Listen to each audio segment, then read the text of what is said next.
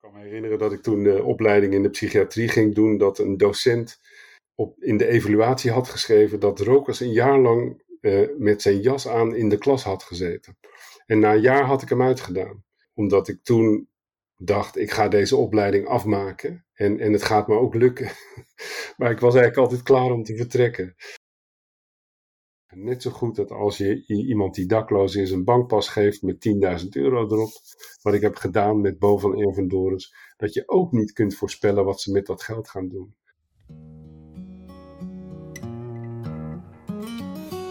Je luistert naar een leven vol vertrouwen, de speciale zomereditie van de podcast Een Burn-out en Nu. In deze special deel ik bijzondere gesprekken die ik heb met mensen die dat kunnen, leven vanuit vertrouwen. Hoe kan je leven met het vertrouwen dat als het tegenzit, het toch weer goed komt? Mijn naam is Anne Lindenkamp. Fijn dat je luistert.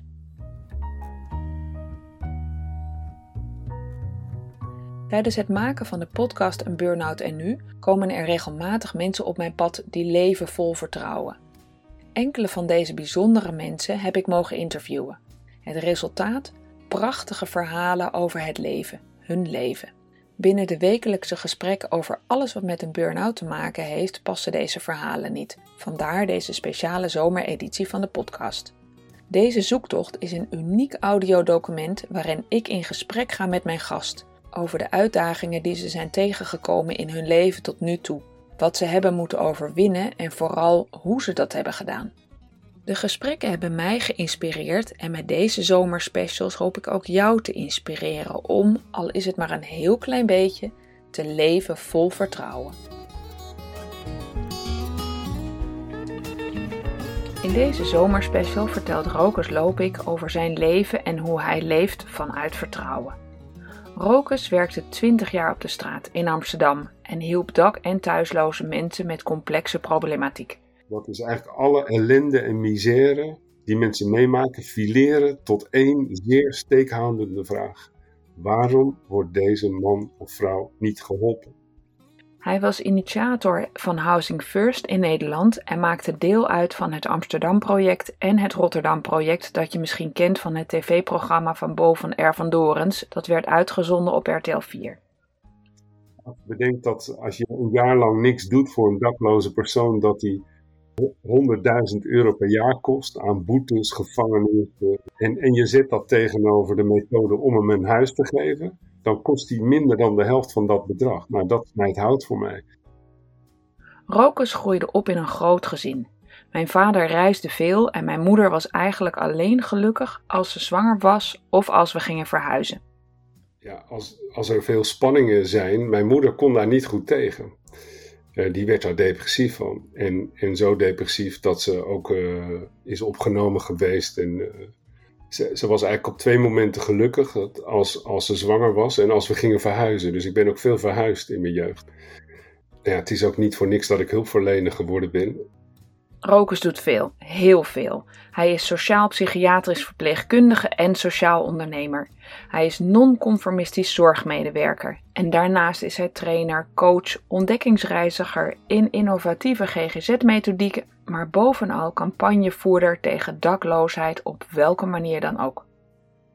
Ik ben ontzettend geïnteresseerd naar mensen aan wie iets mankeert volgens de norm van onze samenleving, dan, dan is mijn interesse al gewekt. De paradijsvogels van onze wereld, die wil ik graag spreken.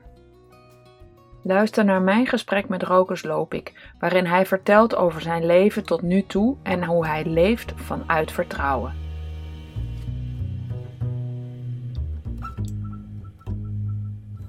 Ja, ja ik heb geleerd uh, heel erg in het moment te leven. En um, en dat, dat gaat me vrij makkelijk af, moet ik zeggen. Dus uh, dit is wat het is. Uh, ik heb nu een gesprek met jou en dat is het belangrijkste uh, wat er is nu voor dit moment. En wat er hiervoor was of wat er hierna komt, het is vrij ongewis wat er komt. En wat er geweest is, dat is mooi. Daar kun je natuurlijk van alles van leren als je daar behoefte toe voelt. Maar je kan het ook over je schouder weggooien. En, en gewoon teruggaan naar wat er hier en nu gebeurt op minuut 6.14 van deze podcast. Ja, want hè, daar gaat het natuurlijk om. Gewoon leven en zijn in het nu. Want als we jou uh, uh, teruggaan uh, naar jouw kinderjaren, heb jij altijd vanuit vertrouwen kunnen leven? Nee, natuurlijk niet. Nee, nee. kijk, een van de redenen waarom ik het zo goed kan, is omdat ik uit een vrij onrustig gezin kom. Waar een hoop gedoe en ellende was. Dus, ehm, en dan leer je heel erg in het moment te leven. Heel erg uh, je omgeving te scannen op, op vertrouwen en veiligheid. Um, en, en als je um, levende in zo'n gezin dan in ambiances komt waar het heel veilig is, ja, dat, dat voel je meteen. Hè? Dus je ontwikkelt uh, heel veel. Uh, hoe zeg je dat eigenlijk? Sensoren wou ik zeggen, maar ik weet niet of het klopt. Of gevoelsprieten. Uh, die, uh, die, die een ruimte uh, waar je komt heel snel scant. Binnen, binnen luttele seconde weet jij of het veilig is of niet.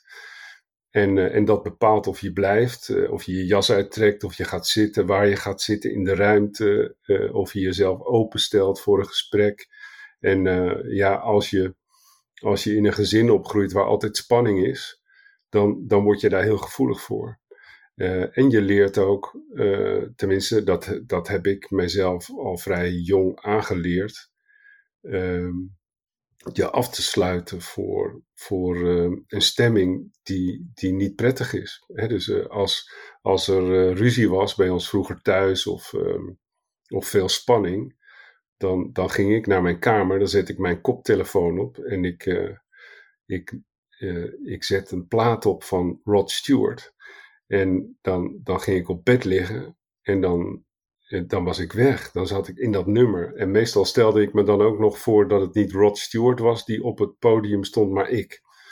En, um, en, en zo heb ik ook geleerd om, uh, om uit situaties te stappen die, die spanningsvol zijn, die niet prettig zijn. En, um, en ik heb mezelf geleerd om in het moment te leven. Want als, als die spanning voorbij was, dan, uh, dan, dan, dan kon ik twee dingen doen. Namelijk erin blijven hangen of het over je schouder weggooien. En, en dat laatste, daar ben ik een koning in geworden. Sommige mensen noemen dat ook wel verdringen. Uh, maar goed, ik ben 63 geworden. Het is nog steeds niet bij me teruggekomen in allerlei uh, vormen die ik niet wil. Dus het heeft wel voor me gewerkt tot nu toe ja, weggooien, verdringen. Ik vind het altijd lastig. Soms is er gewoon even geen ruimte voor bepaalde dingen, eh, omdat je in een andere fase bent. En, en, mogen we nog even terug naar je gezin? Want je beschrijft heel duidelijk van, nou, er was een, er miste vertrouwen en veiligheid. Maar als, als peuter, kleuter groeide je op met broers en zussen? Ja, ja, ik had uh, een stuk of vijf zusjes en een broer. En um, ja, ik was de ene oudste.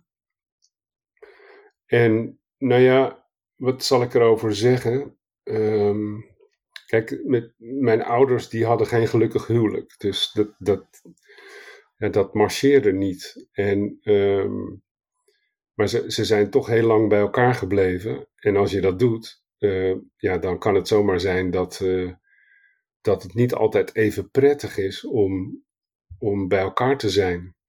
Uh, mijn vader was veel aan het werk. Uh, het was een, uh, een man van de wereld, dus hij was ook vaak weg. En ja, als, als er veel spanningen zijn, mijn moeder kon daar niet goed tegen. Uh, die werd daar depressief van. En, en zo depressief dat ze ook uh, is opgenomen geweest. En uh, ze ging ook regelmatig naar een sanatorium. En um, ze, ze, was eigenlijk op twee momenten gelukkig. Dat als, als ze zwanger was en als we gingen verhuizen. Dus ik ben ook veel verhuisd in mijn jeugd. Veel andere gemeentes gewoond. En um, dat wil niet zeggen dat er geen gelukkige momenten waren. Die waren er ook wel. Um, maar ja, bij mij uh, zijn, zijn toch wel de momenten blijven hangen dat het niet goed ging. En, um, ja, het is ook niet voor niks dat ik hulpverlener geworden ben. Uh, ik had die rol ook al een beetje in het gezin. Dat ik uh, die, die spanning weg wilde nemen en dat ik wilde bemiddelen. En, um, maar soms was ik ook gewoon weg. ik, ik kan me ook herinneren dat ik heb vijf boezemvrienden. Die zie ik nog steeds. Die ken ik vanaf mijn middelbare schooltijd. en um, ik zat veel met mijn benen onder hun eettafel. bij vrienden thuis. En, eh, en dat had natuurlijk ook een reden, want bij mij thuis was het, was het altijd spanning en gedoe. Dus dan ga je weg en dan zoek je elders wat je nodig hebt. Ja, eigenlijk hoor ik, je, hoor ik je twee lijnen vertellen. Hè? Als ene oudste en dan komen er dus nog, nou er waren er zeven, dus dan komen er nog vijf. Ja. Uh, dus dan komt automatisch de rol van verzorger wordt naar je toe gedrukt, kan ik me voorstellen. Hè? Zeker als je moeder af en toe wordt opgenomen en of naar een sanatorium gaat. Dus dat zorgen voor en veiligheid. Hè? Je gaf zelf al aan van nou, uh, soms was het veilig, de veiligheid ver te zoeken bij ons thuis. Zo, zo, heb je dat ervaren. Ik wil niet zeggen dat dat zo was. Mm-hmm. En um, ik kan me voorstellen dat je dan ook je broertjes en zusjes wil beschermen om uh, dat zij wel die veiligheid hebben. Uh, ja, ik weet niet of ik dat nou zo zo ver gaat mijn herinnering niet meer of ik daar nou zo actief mee bezig ben geweest. Nee, misschien niet zo, want hè, aan de andere kant was je, gaf je, geef je aan, je was gewoon veel niet. Ja, precies. Ja, dat, dat, uh, ja misschien is het tweeledig. Mijn broer die was vier jaar ouder, dus die heeft wel veel. Ik kan me herinneren ook, ik heb beelden die ik terugzie dat we samen aan het koken waren. Dat, dat mijn ouders ja, er niet waren, of misschien wel op de achtergrond, dat weet ik eigenlijk niet meer. Maar uh, ja, er werd wel veel aan onszelf overgelaten. Dus uh, ja, je, je wordt snel volwassen, zullen we maar zeggen. dat zijn dingen uh, die je als kind natuurlijk niet, niet mee hoort te maken, goed beschouwd.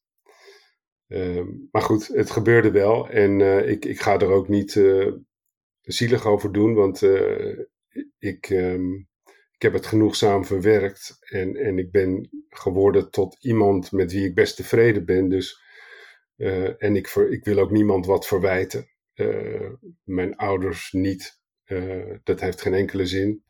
Die mensen hebben gedaan wat ze naar hun beste kunnen, konden doen. En meer, meer zat er niet in. Um, het is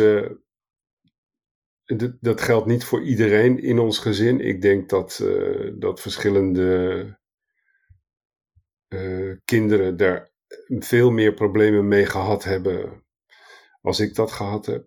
Um, en ja, dat is, dat is jammer. Dat is, uh, dat is niet mooi. ik heb een manier gevonden om het buiten de deur te houden. Uh, en ik heb daar natuurlijk wel vaker over gesproken met mijn zussen en met mijn broer. Maar die, die vaardigheid had niet iedereen. En um, ja, nou ja, dat, dat is, ik ben er dankbaar voor. Er zit ook een schaduwzijde aan. Uh, en die, die ontdekte ik wel toen ik uh, in mijn adolescentie, zeg maar. want ik was op zoek naar hoe, hoe ik dat allemaal een plek moest geven in mijn leven. En ik heb veel vriendinnetjes gehad. Uh, maar, maar me hechten aan iemand, dat vond ik altijd lastig. Ik was ook altijd iemand die op een verjaardagsfeestje ongemerkt uh, het feestgedruis verliet. en zodanig dat mensen, oh god, waar is er ook eens gebleven? Ja, dat, ik, had, ik had echt een pesthekel aan afscheid nemen, ook al was het op een verjaardagsfeestje. Ik, dat vond ik ontzettend moeilijk, dat vind ik nog steeds lastig trouwens, om afscheid te nemen van mensen. Uh, eh, dat, dat is iets wat, uh, wat wel lang aan mij gekleefd heeft. Ik kan me herinneren dat ik toen de opleiding in de psychiatrie ging doen, dat een docent uh, op, op, in de evaluatie had geschreven dat Rokers een jaar lang met zijn jas aan in de klas had gezeten. En na een jaar had ik hem uitgedaan. omdat ik toen dacht, ik ga deze opleiding afmaken. En, en het gaat me ook lukken. maar ik was eigenlijk altijd klaar om te vertrekken. Dus uh, nou ja, dat is natuurlijk toch een soort uitvloeisel van, uh, van wat je hebt meegemaakt, denk ik. En, um, Ja, ik vond het ook lastig als, uh, als, als relaties die ik had. Vrouwen die tegen mij zeiden: Ik hou van jou. Nou, dat, dat vond ik heel moeilijk, moet ik zeggen. Dan kwam het wel heel dichtbij. Want als iemand van je houdt, kun je iemand ook verliezen. En um, ja, dat, dat was uh, wel een soort kwelgeest. Dat, dat, dat ben ik wel kwijtgeraakt. Maar um, dat heeft wel een tijd gespeeld, ja. Ja, ik, ik stel me nu voor adolescent rokers. Dan lig je daar Rod Stewart, I'm Sailing uh, te luisteren, neem ik aan, zo ergens op een bedje. Nou, liever eerdere platen van hem. Maggie May bijvoorbeeld, prachtige, ja, de eerdere platen van Rod Stewart en The Faces was het geloof ik, die, die vond ik fantastisch. Ja. Ja, zijn latere werk is een beetje zoetjes. Hè?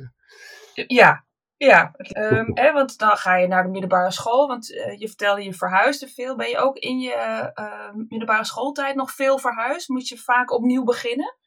Nee, want dat, dat was nou juist zo'n periode. Mijn ouders zijn op een gegeven moment gescheiden. En uh, mijn vader uh, kwam een andere vrouw tegen.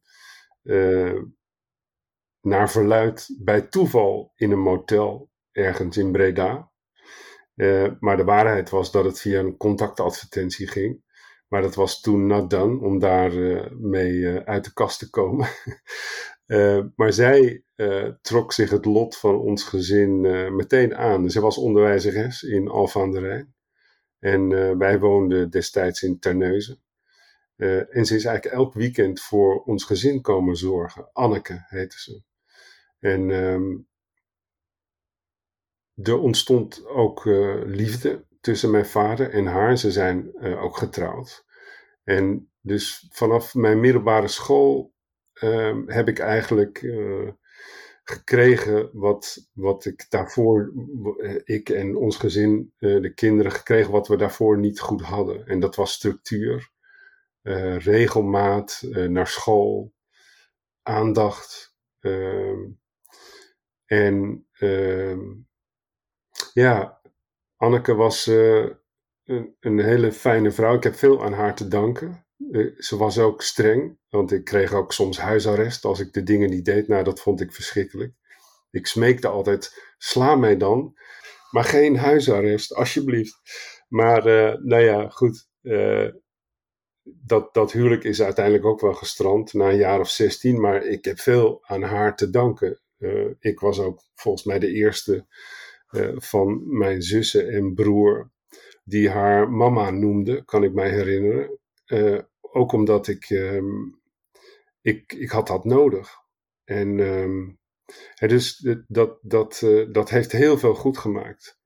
Um, en, en ja, heb ik toch veel meegekregen om mezelf te ontwikkelen tot, tot wie ik geworden ben.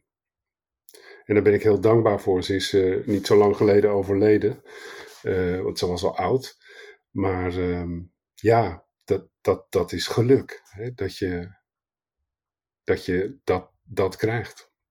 Zij heeft jullie eigenlijk de, hè, je, noemt veiligheid, uh, structuur gebracht en misschien ook wel de mogelijkheid dat er iemand bij je bleef waar je van kon houden en ruzie kon maken in één.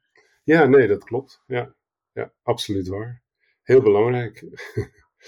uh, want dat, dat is natuurlijk waar vertrouwen over gaat. Dat is ook uh, um, wat ik zie bij de cliënten met wie ik werk. Uh, dat dat bij veel mensen totaal verdwenen is uh, door alle trauma's die ze hebben meegemaakt. En, um, en dat is hun levenshouding geworden. Hè? De levenshouding dat niemand te vertrouwen is. Ja, dan, dan, dan, dan krijg je dat ook uh, weer terug, natuurlijk. Um, en um, ja, ik, ik um, heb, heb altijd geluk gehad dat ik, dat ik op de juiste plek, op het juiste moment, de juiste mensen tegenkwam. Vrienden uh, die mij uh, veel hebben gegeven om mij te ontwikkelen tot, tot, tot, tot wie ik nu ben. iemand die altijd uitgaat van vertrouwen. En ik, ik zeg ook wel eens tegen mensen met wie ik werk in trainingen, cliënten, uh, die, die, die formuleren heel vaak ja maar's. ja maar rokers, ja maar zo zit de wereld toch niet in elkaar. En, en ik leg ze altijd uit dat de wereld zoals die er nu is, dat is niet de echte wereld. De echte wereld voor mij is een wereld waarin ik uh, in een kantoortje kan zitten, mijn computer neer kan zetten, mijn bankpassen op tafel kan leggen, een paar uur weg kan lopen uh, en terugkomen en al mijn spullen nog vinden waar, ze, uh, waar ik ze neer had gelegd. Dat is voor mij de echte wereld. En de wereld waarin je bang moet zijn dat het gestolen wordt, dat, dat is niet mijn wereld. En, um, en, en ik probeer de cliënten met wie ik werk iets te geven van, van die wereld waarin je echt op iemand kunt vertrouwen. Waarop er continuïteit is, waarop uh, je niet bang hoeft te zijn dat iemand uh, plotseling wegloopt van je. Waarin je niet bang hoeft te zijn uh, dat als je het niet eens met elkaar bent, dat de ander afhaakt. waarin je niet bang hoeft te zijn dat je je woning kwijtraakt, omdat je een paar maanden je huur niet betaald hebt. Um, nou ja, kortom, een samenleving waar ehm, waar mensen naar elkaar luisteren en elkaar niet afrekenen op het feit dat je bepaalde de vaardigheden niet beheerst. en, uh, en, en ik, ik hou daar echt heel stenisch aan vast. Want, uh, en ik, ik voel natuurlijk wel die andere wereld aan mij trekken, want ik zie ook wel wat er buiten de deur gebeurt. Ik ben niet naïef, ik ben niet dom. Uh, maar daaraan meedoen, dat, dat is een tweede.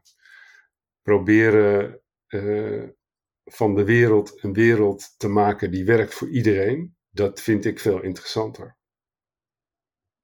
Ja, en je vertelde over je puberteit, dat je daar je, je, de, die vijf vrienden hebt ontmoet. Ja. En um, die vriendschap met die vijf andere mannen, um, heeft die ervoor gezorgd dat je um, nou ja, weet dat je ruzie kan maken en dat het dat, dat je niet wegloopt. Dat het oké is om ruzie te hebben en weer terug te komen. Ja, absoluut. ik, ik spreek die jongens eh, nog steeds. En uh, we zien elkaar uh, heel regelmatig. Ja, dat is een, een groot geschenk. Hè? Dat, je, dat je iemand die je op je tiende ontmoet, op je 63ste nog kent. En dat je het goed met elkaar hebt en dat je elkaar een jaar niet kunt zien.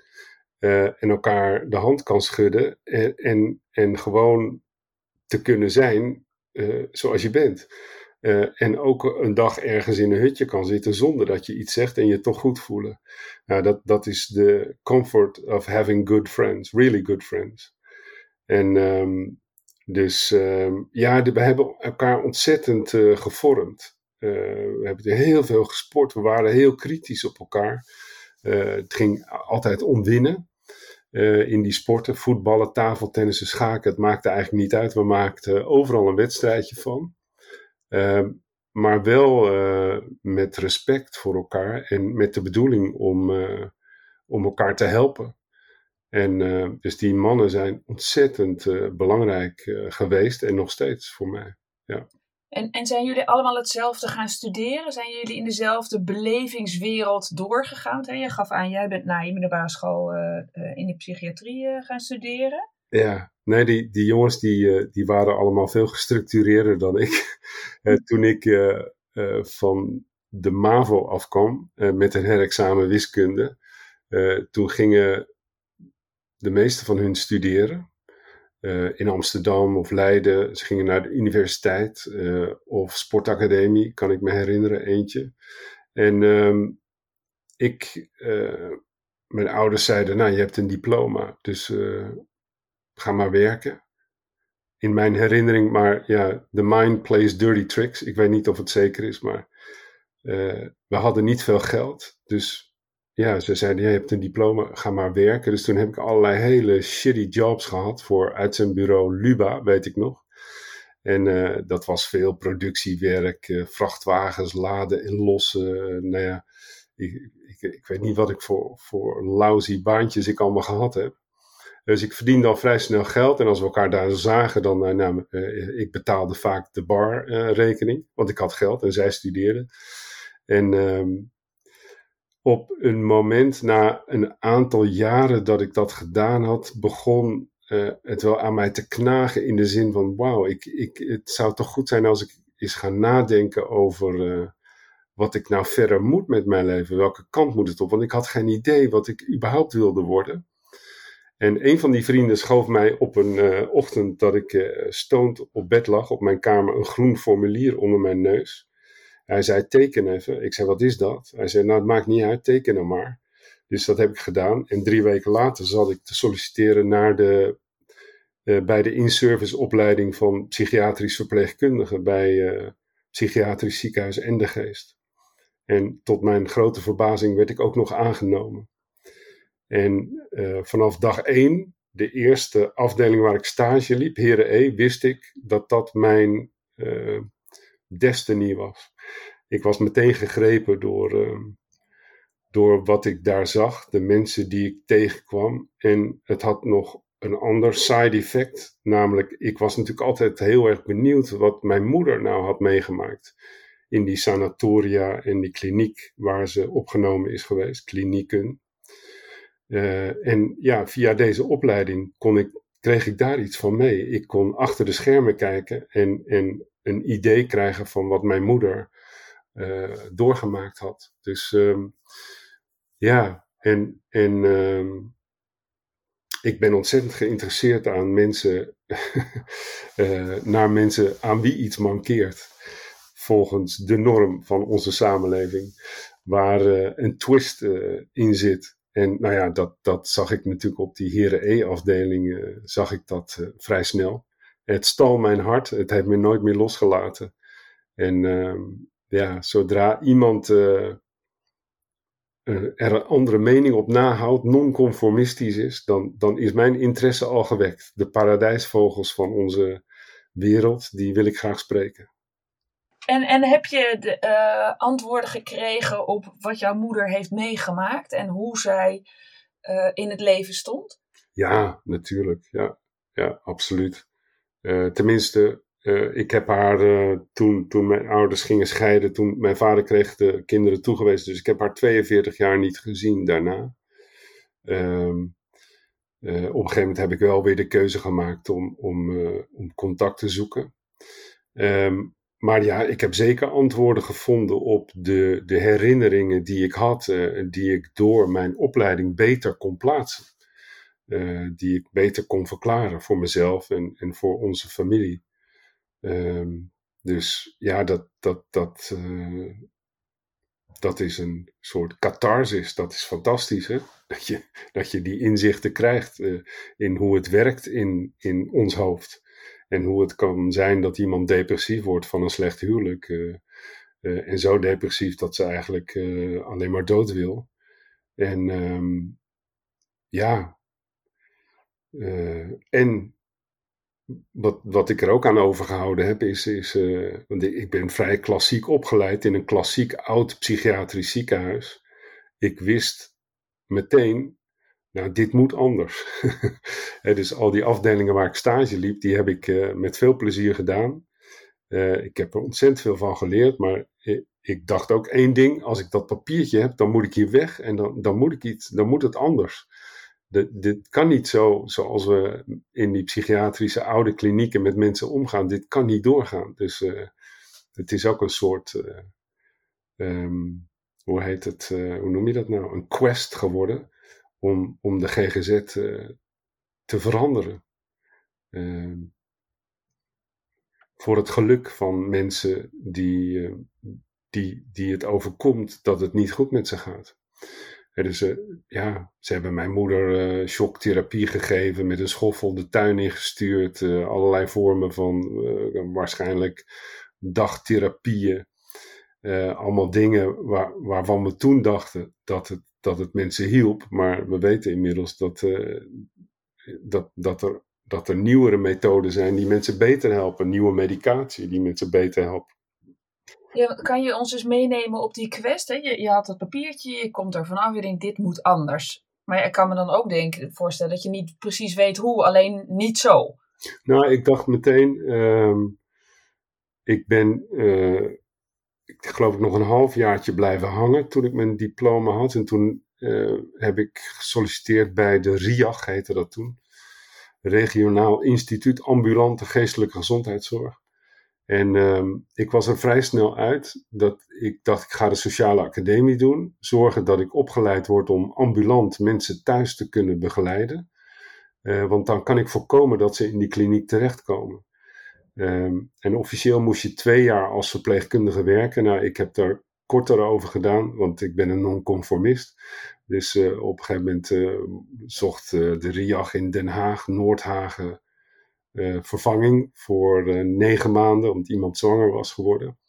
En daar heb ik op gesolliciteerd. En uh, ik ben aangenomen. Dus ik heb daar negen maanden in die prachtige Schilderswijk heel veel paradijsvogels ontmoet. En, en ingewijd in de wondere wereld van de ambulante psychiatrie. En, um, en daar het begon eigenlijk met het idee, we moeten voorkomen dat die mensen in die kliniek terechtkomen. En daar ben ik eigenlijk nog steeds bezig, mee bezig. Dus zoeken naar methodieken die voorkomen dat mensen naar een kliniek moeten. Uh, want dat is gewoon uh, traumatiserend voor de meeste mensen. Hoe mooi die kliniek er ook uitziet en hoe goed de service, de behandeling, de begeleiding ook is. Het blijft in zekere zin traumatiserend als je uit je thuisomgeving gehaald wordt en, en een tijdje in zo'n kliniek moet zitten. Uh, dat, dat gaat je niet in de koude kleren zitten, daar doe je een tijd over voordat je dat verwerkt hebt, dat dat gebeurd is, dat je de controle over je leven verloren hebt en dat je je lot in handen moet leggen bij een aantal behandelaren die het vaak ook helemaal niet weten wat, wat er nou goed of slecht is voor jou. Uh, want uh, uiteindelijk ben jij de enige echte expert. Uh, dus ja, dat, dat is, dat is een, een grote motivatie geworden nadat ik klaar was met die opleiding. Ja, en dan bedoel je dat de sociale academie ben je gaan doen en dat die klaar was? Ja, twee, nou eerst uh, die klinische opleiding bij het psychiatrisch ziekenhuis Endegeest. Toen twee jaar ja. uh, voor, om ambulant hulpverlener te worden. En toen heb ik nog eens twee jaar voortgezette opleiding gedaan. Omdat ik leidinggevende wilde zijn. Dat, dat kwam op de dag dat ik het gevoel had dat ik het een beetje in de vingers had. Dacht ik nou, misschien helpt het dan ook als ik als ik leidinggevende word, want dan kan ik de lijnen uit gaan zetten. En uh, dan heb ik nog meer invloed op, uh, op wat er gebeurt. Dus dat heb ik ook gedaan. En, ehm, en nou ja, ehm, er, er ontstond nog een andere droom. Ik wilde naar het mekka van de sociale psychiatrie, dat was Amsterdam. En dat, dat was een droom. Ik moet in Amsterdam werken, want daar gebeurt het allemaal. En dus daar heb ik een maandje ook weer iemand vervangen op de crisisdienst. En in die maand uh, ben ik om me heen gaan kijken, met mensen gaan spreken. En solliciteerde ik uh, op een functie bij een jongerenteam. Nou, dat is het niet geworden. Uh, maar de, de voorzitter van die sollicitatiecommissie die zei: Ik heb wel iets anders voor je, iets leuks. je kunt bij het dakloze team gaan werken. Dat waren destijds drie mensen die dat deden. En ik kon dat team aanvullen. En, uh, en daar uh, is mijn twintigjarige carrière in de dak- en thuisloze wereld begonnen. Ja, en, en uh, hè, je vertelde net dat ehm, hoe moeilijk het is als mensen in een, in een kliniek komen, ehm, dat je je lot uit handen moet geven. En, maar ik kan me voorstellen dat als je op straat leeft, dat je ook als het ware het lot een beetje uit handen geeft. Ja, natuurlijk. Ehm, ja, dat is het ergste wat je kan overkomen eigenlijk. Uh, huis en hart kwijtraken en alle mensen die je lief hebt, die jou lief hebben, kwijtraken. Uh, als het ware in een vacuüm uh, leven. Nee, dat, dat, dat is verschrikkelijk. Dat, ehm, dat voor dakloze mensen is het double trouble, zeg maar. Want niet alleen zijn ze dakloos, maar soms hebben ze allerlei psychiatrische problemen, psychische problemen, verslavingsproblemen. Het is, het is eh, een hard leven. Um, maar zelfs dat kan een comfortzone worden voor mensen. Uh, als je een tijd lang dakloos bent, is het heel moeilijk om eruit te komen. Het is, de meeste mensen hebben goede reden om te doen wat ze doen en te zeggen wat ze zeggen. Tenminste, daar ga ik van uit. En, en heel veel dakloze mensen hebben ook goede redenen om, uh, om zich uh, van de samenleving uh, af te zonderen. En, en het is aan, aan ons om die mensen er weer bij te trekken, om ze een plek te geven, om ze de aandacht en liefde te geven die, die er nodig is om, om, om jezelf een, een heel en een goed mens te voelen. Ja, ik, weet je wat, ik hoor vaak mensen zeggen, uh, hè, als we gaan uitgaan van vertrouwen, ja. van vertrouwen is goed en laat alles los. En als, als je op je allerdiepst zit, dan gaat er een deurtje open. Maar ik zit me nu voor te stellen dat je leeft op straat en je, er was geen keus. Dit is gewoon wat het is geworden. Dat je de deurtjes niet ziet, of heb je dan deurtjes gemist? Hoe, uh, hoe is dat voor jou als hulpverlener om met die mensen te werken? Um, nou ja, het is wel grappig dat jij dat zegt. Jij noemt het deurtjes. Ik noem het wel eens berichten uit het universum. Um, kijk, ik ben altijd, uh, wat ik al eerder zei, de juiste mensen op de juiste plek en de juiste tijd tegengekomen. En je kunt ze wel tegenkomen, maar als je ze niet ziet, uh, of als je het niet hoort, wat mensen jou aanbieden, uh, ja, dan mis je dingen. En uh, ik heb het geluk gehad om het wel te zien en te horen en het te pakken. en wat je veel ziet bij mensen die al heel lang op straat leven, is dat ze dat vertrouwen volledig verloren zijn. Dat ze de berichten uit het universum ook niet meer horen of zien. En dat is niet hun probleem. Maar dat is eigenlijk het probleem van de hulpverlener. Want als mensen niet aanhaken bij wat jij aan te bieden hebt, dan ligt het niet aan hun, maar dan ligt het aan jou. Dan ben je niet creatief genoeg geweest om te zorgen dat die mensen naar je gingen luisteren, om te zorgen dat ze luisterden naar jouw adviezen, om te zorgen dat ze een dagje met jou mee oplopen om te kijken hoe het leven er ook uit kan zien. dus eh, sommige mensen zijn zo diep, diep getraumatiseerd uh, dat, dat dat vertrouwen dat het goed komt totaal weg is. En het is aan mij om te zorgen dat dat terugkomt. Dat ik een bericht uit het universum voor die mensen word, die, uh, die, die uh, de mogelijkheid geeft om je leven te laten kantelen naar een positief, positief leven. En, en nou, ik ben bereid om, om daar alle registers voor open te trekken als het nodig is. En, uh, en ook non-conformistisch te handelen. Regels om te buigen voor mensen. Ik bedoel, iedereen weet dat we in een maatschappij leven waarin uh, de wetten en regels van het systeem heilig zijn. Alleen uh, als je mensen wilt redden, dan, dan, dan heb je niet zoveel aan die wetten en regels. Dan moet je ze soms ombuigen ten faveur van die persoon. En, en daar moet je ook toebereid zijn als, als hulpverlener die op straat werkt, of nou ja, welke hulpverlener dan ook. En, uh, en daarom geef ik ook les, uh, zo af en toe, om mensen te leren hoe je dat doet en hoe je kunt leven met het vertrouwen dat, uh, dat niemand hopeloos is. Dat, dat je iedereen kunt redden. Ja, ik zit te aarzelen omdat ik direct denk: oké, jij, jij bent iemand met vijf hele dierbare vrienden. En jouw vrienden hebben, hè, wat je eerder zo mooi omschreven, hebben, hebben jou uh, ook vertrouwen gegeven in je jeugd. En ik kan me voorstellen dat, dat jij die vriend bent voor mensen die je helpt nu, uh, maar toch niet. Ja, nou ja, ik stuur, stuur er wel op aan. Dus uh, mijn eerste doel als ik iemand ontmoet die hulp nodig heeft, die het niet accepteert, is vriendschap sluiten. Uh, en die vriendschap zich laten ontwikkelen. Je hebt heel veel soorten, verschillende soorten vriendschap. Uh, ik heb heel veel vriendschappen die ik nog nooit bij mij aan de eettafel thuis heb uitgenodigd, omdat het niet het soort vriendschap is die, uh, die maakt dat dat kan. dus, um, maar vriendschap is wel wat maakt dat mensen uit hun stoel komen. Dat ze dat ze het besluit nemen om hun leven te veranderen. En, uh, en als, als dat vertrouwen, uh, dat, dat er zich een vriendschap on, kan ontwikkelen, als dat vertrouwen er niet is, dan, dan wordt het heel moeilijk, denk ik. Uh, want dan zul je altijd iemand blijven die, die op afstand blijft. En, en niet bereid is om alle registers open te trekken om jou van de straat te krijgen. Dus, dus vriendschap is waar ik me op richt. En, en als er een zweem van die mogelijkheid doordringt in het contact wat ik met mensen heb, ja, dan, dan, dan, dan ben je in business, zeg maar.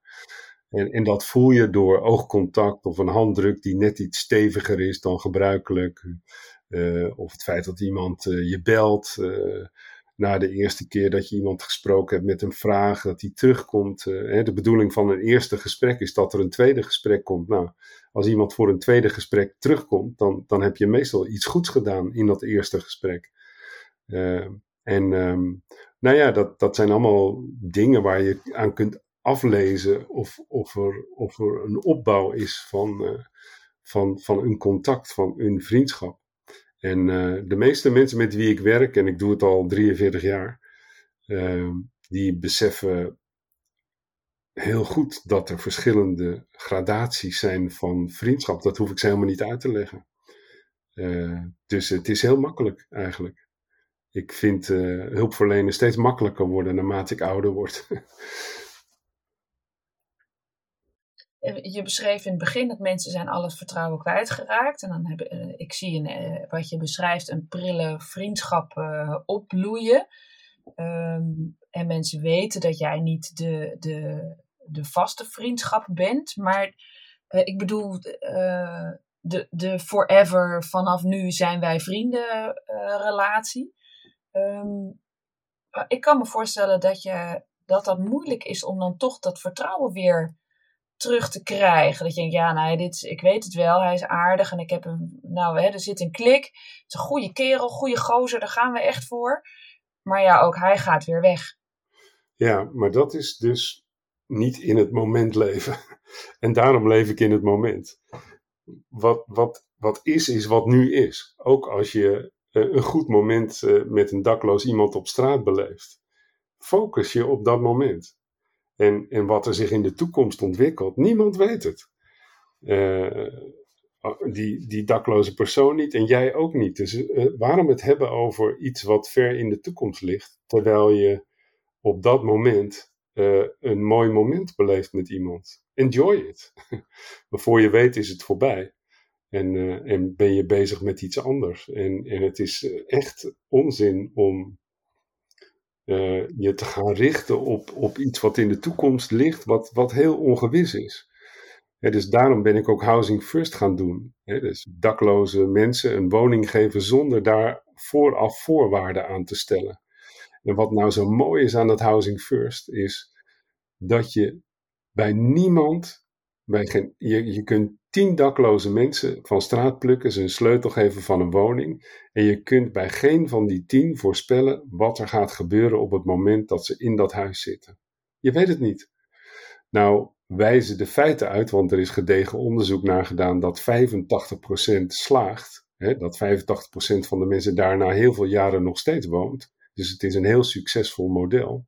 Daarom ben ik ook zo'n groot aanhanger daarvan. Um, maar goed beschouwd kun je er vooraf niks over zeggen. Net zo goed dat als je iemand die dakloos is een bankpas geeft met 10.000 euro erop, wat ik heb gedaan met Bo van Ervendoris, dat je ook niet kunt voorspellen wat ze met dat geld gaan doen. En wat is er voor nodig om een hulpverlener te worden die daar goed in is? Leef in het moment. Alles wat er nu gebeurt is het belangrijkste wat er is. Wat er geweest is, zwaar. En daarom uh, Housing First is zo'n mooi model, want mensen kunnen, uh, zeg maar, uh, als je zo'n woning geeft, het kan best misgaan in zo'n woning. En, en zodanig dat mensen ook, die woning kwijtraken. Maar als je sportief bent, dan zeg je nou, oké, het is de eerste keer mislukt, maar we gaan het nog een keer proberen. Je krijgt een tweede huis, je krijgt een derde, vierde, vijfde, zesde huis. En ergens onderweg daalt het vertrouwen in bij die mensen dat ze voortdurend een nieuwe kans krijgen. En dat die hulpverlener die jou dat aanbiedt het beste met je voor heeft. En de samenleving ook trouwens. Dat moet mensen vertrouwen bieden. Maar wat we nu doen in onze samenleving is mensen afrekenen op, op lacunes in hun vaardigheden, op lacunes in hun bewustzijn. En het is zo niet sportief en ook nog dom ook, want het kost ons ontzettend veel geld. De schuldhulpverlening en, de, de dakloze industrie. Het is een industrie. Heel veel mensen verdienen daar geld aan. Uh, maar als we kijken naar de effectiviteit ervan, dan, dan is het veel uh, water naar de zee dragen. En, uh, en, en, en ik zeg niks mee over de hulpverleners die het doen, of de managers, of de directeuren, of de besturen. Dat zijn allemaal mensen met hun hart op de goede plek. En ze doen hun werk met verve, met enthousiasme, met compassie. Alleen het systeem klopt niet. Als je dat als je een jaar lang niks doet voor een dakloze persoon, dat die eh, 100.000 euro per jaar kost aan boetes, gevangenissen, uh, opnames in klinieken, uh, politiebureaus, noem maar op. en, en, en je zet dat tegenover de methode om hem een huis te geven. Ehm, en 24 uur per dag begeleiding, dan kost die minder dan de helft van dat bedrag. Nou, dat snijdt hout voor mij. En als het dan ook nog eens 85% succespercentage genereert, ja, dan, dan uh, dat is helder. Hè? Daar, daar, kun je mee voor de dag komen. Kun je mee thuiskomen. Uh, nou, ik ben heel erg geïnteresseerd in dat soort methodieken. Geef mensen waar ze om vragen en ze gaan doen wat jij hoopt dat ze gaan doen. En dan heeft het ook zin om het een vijfde keer en het een zesde keer nog een keer uh, te proberen. Alleen al uh, financieel voor de, voor de gemeenschap, als het ware. Ja, maar, dan... maar ook voor die mensen zelf, want ze weten dat het op vriendschap is gebaseerd. op de wetenschap dat ik er 200% op vertrouw dat het mensen lukt om die woning te behouden of die 10.000 euro aan slimme dingen uit te geven. Ja, er gonst nu de hele tijd in mijn hoofd. Uh, heb ik iemand ooit eens horen zeggen. Ik wil niet zeggen dat het haar mening was. Maar op dat moment zei ze: Ja, weet je, je kan mensen wel gewoon 10.000 euro geven. Dat spuiten ze dan in hun arm, want ze willen niet. Dit is wat ze willen. hoe, hoe, kijk jij daar dan tegenaan? Ben ik de enige die dat gehoord heeft of hoor je dat vaker? Nee, tuurlijk hoor je dat vaker. Ja, uh, veel mensen zullen het niet eens zeggen, maar ze denken het wel. Uh, nee, ik heb dat natuurlijk ook gehoord. Maar ja, ik, ik kan alleen maar zeggen, uh, de resultaten laten zien dat dat niet zo is. Ehm, in het Rotterdam-project zat zo'n man, Patrick heet hij. en die jongen was zwaar verslaafd. Als je die beelden terugziet, nou, dan denk je, nou, die jongen die, die heeft niet lang meer te leven. En, um, en in dat programma is hij naar Zuid-Afrika gegaan, een maand of drie volgens mij. En um, hij is clean teruggekomen en hij is het nog steeds. Nog sterker, hij, uh, gaat, hij heeft een relatie met een van de mensen van het redactieteam van dat programma. Eh, ze krijgen een kindje. Hij is uh, succesvol fotograaf, spreker. Uh, ja, geweldig verhaal. En ik, ik uh, train ook samen soms met hem groepen. waarop hij zijn herstelverhaal vertelt. Dus ja, wat je nu net zei klopt helemaal niet. Dus als je echt de bereidheid hebt om te investeren in iemand, zelfs iemand die heel erg verslaafd is, dan, dan is succes verzekerd ongelooflijk, hè? Dat dat gewoon, eh, gewoon een complete misvatting is die zo diep in, uh, in onze samenleving zit. Ja, nou ja, kijk, verslaving is niet iets waar, waar mensen voor kiezen. Het, is, het staat ook in de DSM-5. Daar ben ik geen fan van, die diagnostische criteria, maar in dit, in dit uh, geval uh, leg ik het graag op tafel. Het is gewoon een ziekte. en die kan behandeld worden. dus ja, oké, dat, dat, dat, dat er mensen zijn die geloven dat het een keuze is, dat mensen druk gebruiken, dat begrijp ik, want het is een gebrek aan kennis. Een gebrek aan um, um, empathie, een gebrek aan compassie, een gebrek aan weten hoe zoiets tot stand komt, zo'n verslaving. Want als je dat weet, dan weet je ook dat je dat soort dingen niet kunt zeggen. En is dat onderdeel van jouw missie ook? Je beschrijft natuurlijk heel prachtig dat je gewoon echt de mensen zelf wil helpen, want daar gaat het om. En kansen bieden en de vriendschap. Maar is het ook de, uh, de buitenwereld omheen? Je hebt natuurlijk samengewerkt met dat televisieprogramma. Dat is natuurlijk ook om de buitenwereld te informeren over deze problematiek. Is dat een, een, een zijdelingse missie die je hebt? Ja, natuurlijk. Ja. Ik zit heel veel op social media. Ik bedoel, het feit dat jij mij nu interviewt, uh, dat zijn ook geen dingen die iedereen overkomt. Dus, uh, ik, ik luister goed naar berichten uit het universum en ik pak ze beet als ze zich voordoen.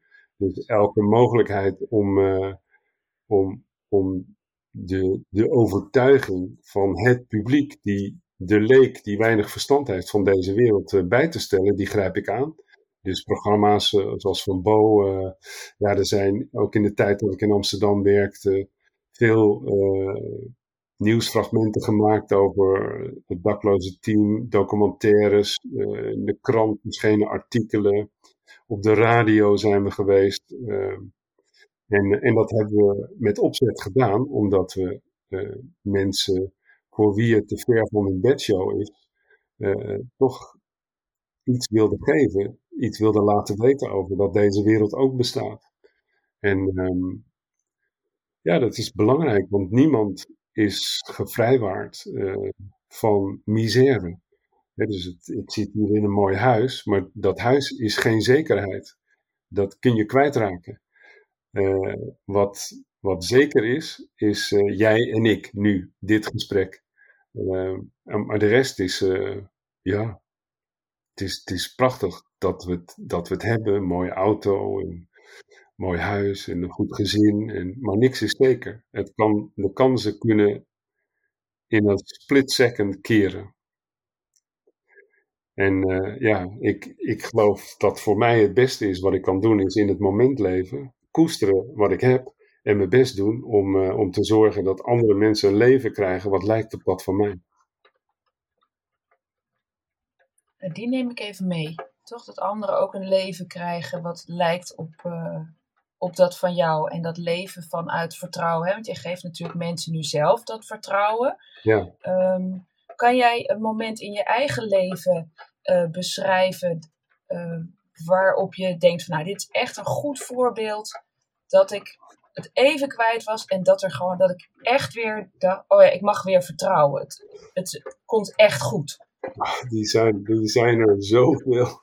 Nou ja. Nou, hè, want je zei al, je spreekt uh, met enige regelmaat. Misschien noem je dan een voorbeeld? Nee hoor, nee. Ik kan een heel simpel voorbeeld geven. Kijk, mijn vader, uh, hij is al lang geleden overleden, was een egocentrische man. Uh, maar zeer amabel. Een hele aardige kerel. en, en hij vertelde mij altijd ehm, ook als het niet zo goed met me ging, rokers, met jou komt het altijd goed. Als ik twijfelde, als ik faalangst had over opleidingen, of over baantjes die ik had. Uh, hij zei het met grote regelmaat, rokers, met jou komt het altijd goed. En die, die stem die zit nog steeds in mijn hoofd. Uh, uh, je krijgt mij er nooit onder, want met mij komt het altijd goed. dus dat, dat, dat was um, een van de belangrijke passages in mijn leven die mij altijd het vertrouwen hebben gegeven dat het goed komt.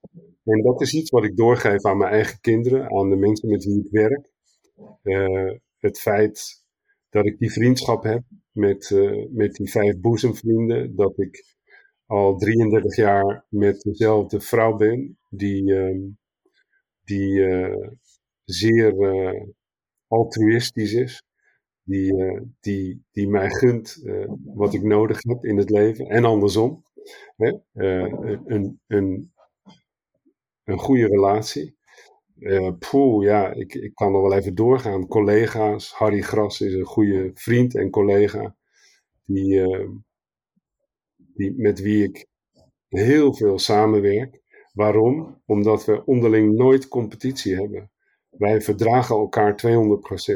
Uh, en, uh, en met hem organiseer ik veel studiereizen voor mensen naar het buitenland. We doen trainingen samen, we zetten projecten op. Hij is ook zo'n geschenk uit het universum. En zo zijn er nog heel veel meer. Uh, dus uh, ik, ik ben uh, een lucky guy, een ontzettend gefortuneerd mens. en, en wat ik daar tegenover kan zetten is mensen het vertrouwen te geven dat, dat wat ze mij geven in goede handen is. En dat ik mijn best doe om, om er een betere wereld van te maken. Ja, jij bent gewoon die paradijsvogel. Je noemt wel dat jij paradijsvogels ontmoet, maar volgens mij mensen die jou ontmoeten, ontmoeten ook hun paradijsvogel. ja, dat, dat moet je die mensen zelf vragen. ik weet het niet.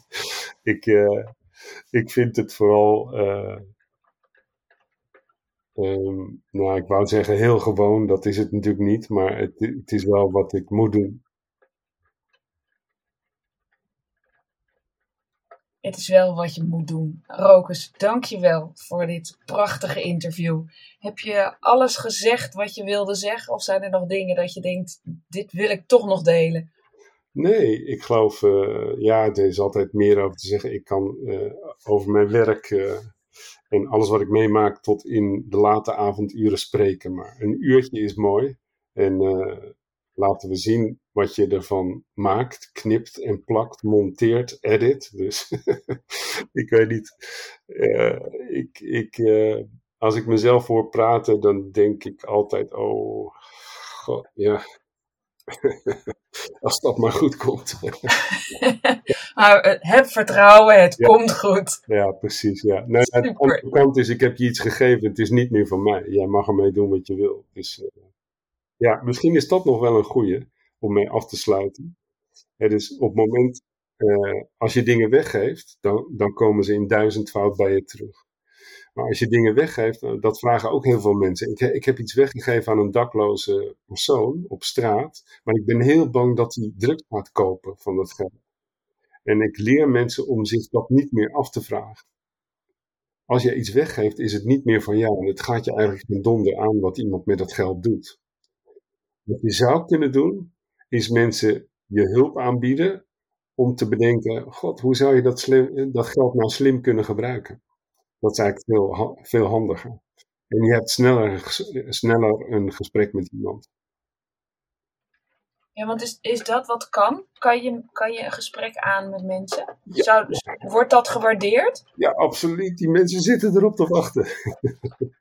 Echt? Natuurlijk, ja. Ja, die zitten te wachten op iemand die even stilhoudt. En zegt, goh, eh, ik, ik wil je best wat geld geven, maar mag ik je een vraag stellen? Hoe lang ben je al dakloos? Eh, kan ik iets voor je doen? Eh, how can I help? Ik weet niet of je die serie op Netflix gekeken hebt.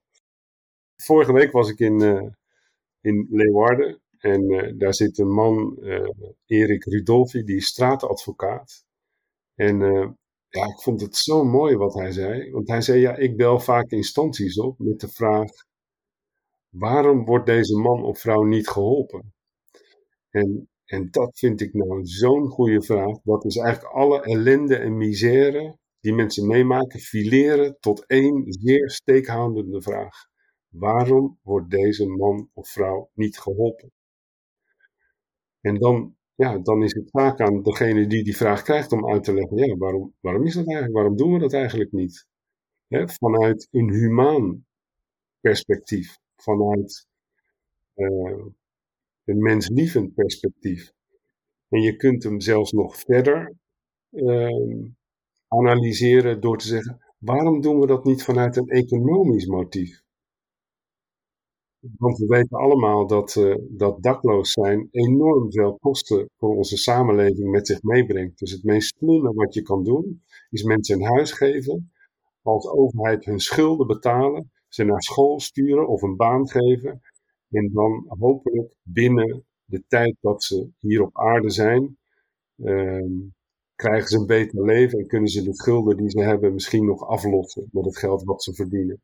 Maar wat we nu doen, is mensen straffen voor het feit dat ze schulden hebben, of mensen gijzelen in dakloosheid. Dat is het meest domme wat je als samenleving kan doen. Ik denk altijd, ik respecteer jou door jou te negeren, want dat wil jij. Maar ik ga de volgende keer gewoon aanspreken. Ja, ja kijk, eh, experimenteer met, eh, met je eigen gedrag. Kijk wat werkt, wat niet werkt. Je voelt eh, bij je eerste eh, toenadering meestal wel aan of, eh, of die persoon er wel of geen zin in heeft. En eh, ja, als, als hij er geen zin in heeft, ga niet aandringen, vervolg je weg. Maar laat het niet zo zijn dat dat betekent dat je het bij de volgende niet nog een keer probeert. Experimenteer, probeer het uit en je merkt vanzelf wat er gebeurt.